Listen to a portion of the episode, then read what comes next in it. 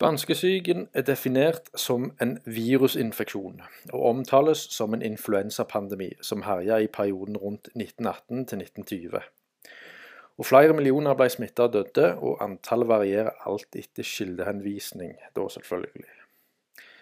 Men siden sykdommen er påstått at skyldes et såkalt virus, så burde det jo eksistere grunndata med tilhørende eksperiment hvor smittepåvisning er et faktum. Og det er her det blir interessant, for det ble utført eksperiment under spanskesyken, hvorav friske individ ble utsatt for smitte fra syke. Dette gikk jeg inn på i Kjappes eh, 35, men kort sagt så ble eksperimenter utført ved at det friske sto ansikt til ansikt med syke, og pusta inn hverandres åndedrett. Det ble òg påført munn, nese og øyevæske uten smitte. Blod ble til og med injisert fra syk til frisk. Det var totalt tre omfattende tester som ble utført, og alle resulterte i en 300% negativ smitteeffekt. Altså med andre ord, ingen av de frivillige friske ble syke i tida under eller etter eksperimentene.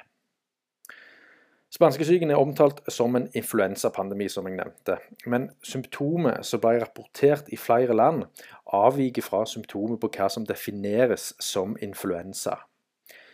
De vanligste symptomene var nevrologiske, som søvnløshet, sensasjon av prikking, slapphet samt brystsmerte og kortpusthet, og kan ikke defineres som symptomet på influensa. Sykdomsforløpet hos den enkelte kunne være gjentagende og ha en sykdomsperiode på flere uker. Samtidig ble det under eh, obduksjoner bekreftet at en tredjedel av de døde hadde hjerneblødning, som er egne utsagn fra Journal of the American Medical Association, altså JAMA forkorta. Det var såkalt normalt med kraftig neseblod, men òg i tannkjøtt, øre, hud, mage, tarm, livmor og nyre f.eks. Med andre ord mangel på koagulering, altså blodets evne til å stoppe blødning. Dette ble også bekreftet gjennom vitenskapelige eksperiment som påviste uten tvil at koaguleringstida var begrensa hos såkalte smitta individ. Dette forklarer hvorfor f.eks. For dødsårsaker forårsaket av drukning, der lungene var fylt med blod, i det hele tatt lar seg gjøre. Og Den utsatte aldersgruppa var unge mennesker i sin beste alder, mellom ja, rundt 18 til 40 år, og utgjorde rundt to tredjedeler av de som døde. Når det er sagt, så er det kjent at radiobølger fra tidlig 1900-tallet påvirker blodets koaguleringsevne og ikke minst de tusener av studier som ble publisert på 1970-tallet i Russland og andre slaviske land. Tatt òg i betraktning hva som ble nevnt i Kjappes 22 og oppover, om hvordan usynlige frekvenser påvirker biologisk liv, så var første verdenskrig en krig hvor revolusjonerende teknologi ble brukt for første gang da nettopp teknologi i form av radiobølger for radiokommunikasjon over Atlanterhavet. Og Gnist-sendere var innretningene som overførte radiobølgene mellom lokasjonene til de krigførende styrkene. Og Disse Gnist-senderne hadde dårlig rekkevidde og lydbilde, og ble raskt oppgradert til buesendere, som deretter igjen ble oppgradert til vekselstrømgeneratorer, og kalt alternator.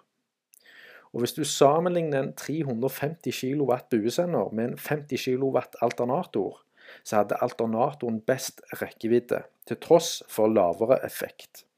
Eller ja, du kan også kalle det hestekrefter. Eh, men antennen til en alternator den økte òg derimot strålingseffekten med hele 20 ganger sammenlignet med en gnistsender. Og Året før spanskesyken brøt ut, så var det 13 amerikanske radiostasjoner operative og fordelt ut på flere kontinent. Og 50 mellomstore stasjoner var også satt i drift lokalt i USA. Samt over 10 000 sendere var også fordelt på amerikanske skip. Alt dette i forbindelse med første verdenskrig.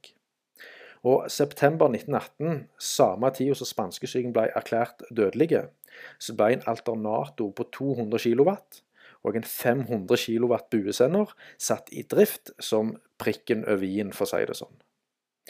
Så på denne tida så ble store deler av verden for første gang dekka av et usynlig lag med høyfrekvente elektromagnetiske frekvenser i form av radiobølger, som da sto på uavbrutt og ga full hals. Og som det ble forklart i Kjappes 22 år oppover, så vil dette ha en særdeles stor effekt på biologisk liv.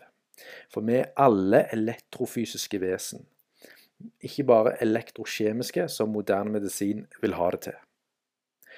En annen høyst relevant tilnærming til spanskesyken og dens symptomer er bruken av klorgass under første verdenskrig.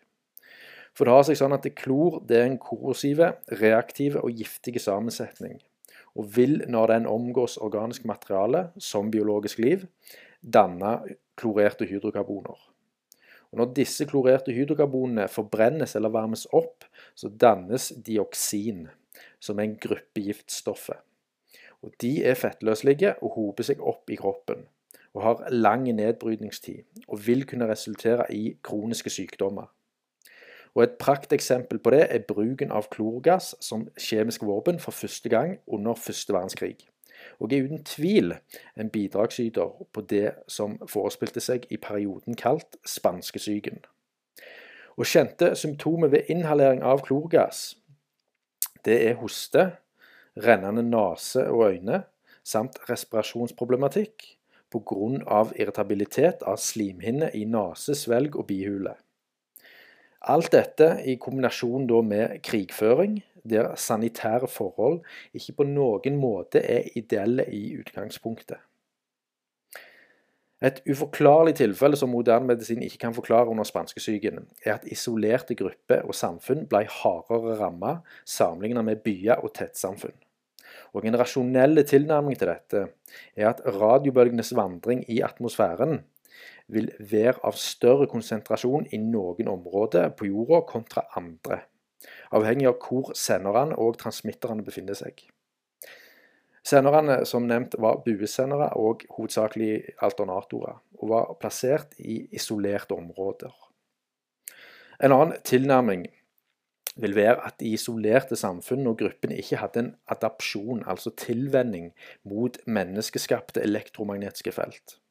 Så det kom som et sjokk på kroppen til de isolerte samfunnene og gruppene sammenlignet med tettsamfunn, der elektriske og magnetiske felt fra strømnettet og telegraflinjene allerede hadde vært en normal tilværelse, som de eksponerte over tid og hadde fått en gradvis adapsjon til. En analogi til dette her, det vil være alkoholikeren som kan drikke flere flasker før en sensasjon av rus, sammenlignet med en 15-åring som tar sin første slurk. Altså, Kroppens tilvenning til alkoholen er av stor betydning for hvor mye konsumering det behøves før den enkelte er objektivt berusa. Men alkoholen er like giftig for alkoholikeren som for 15-åringen i dette eksempelet her. Et annet uh, udefinert tilfelle sett fra moderne medisin sitt ståsted er hvordan kan det ha seg at individ i sin beste alder med upåklagelig immunforsvar ble rammet hardest i forbindelse med spanskesyken. Det var faktisk så gale at jo dårligere form den enkelte var i, sett bort ifra sykdom, jo mindre var sannsynligheten for såkalt smitte. Og Grunnen til hvorfor unge folk i sin beste alder ble hardest rammet, skyldes at aldersgruppa rundt 18-40 år, biologisk sett fra et elektrofysisk ståsted, er den perioden i menneskets liv der våre kropper har den sterkeste tilknytninga til det eksisterende elektrofysiske miljøet på jorda, som jeg var inne på i Kjappesandet om en tilnærming til 5G.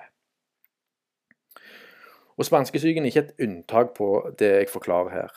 Det er andre teknologiske tidsaldre med påfølgende sykdomsforløp som kan nevnes. Som f.eks.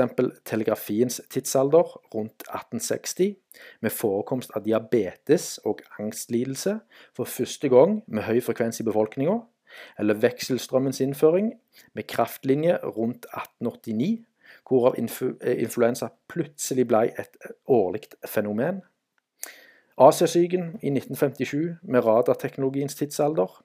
Hongkong-syken i 1968 med introduksjon av satellitter i eksosfæren. Hjerteinfarkt og diabetesbølga i 1996-1997, samme år som mobiltelefoni ble mannseie, og 2006 2007 med HARP i assosiasjon med kolonikollapsforstyrrelsen. Og nå er vi òg oppe i en ny pandemi kalt koronapandemien, med innføring av et nytt frekvensbasert nett i form av 5G, hvor verden igjen dekkes i enda større og kraftigere grad av elektromagnetiske menneskeskapte felt. Som tidligere sagt, elektromagnetiske felt påvirker våre celler. På samme måte som regnet påvirker flammene på bålet. Alt etter hvor mye det regner.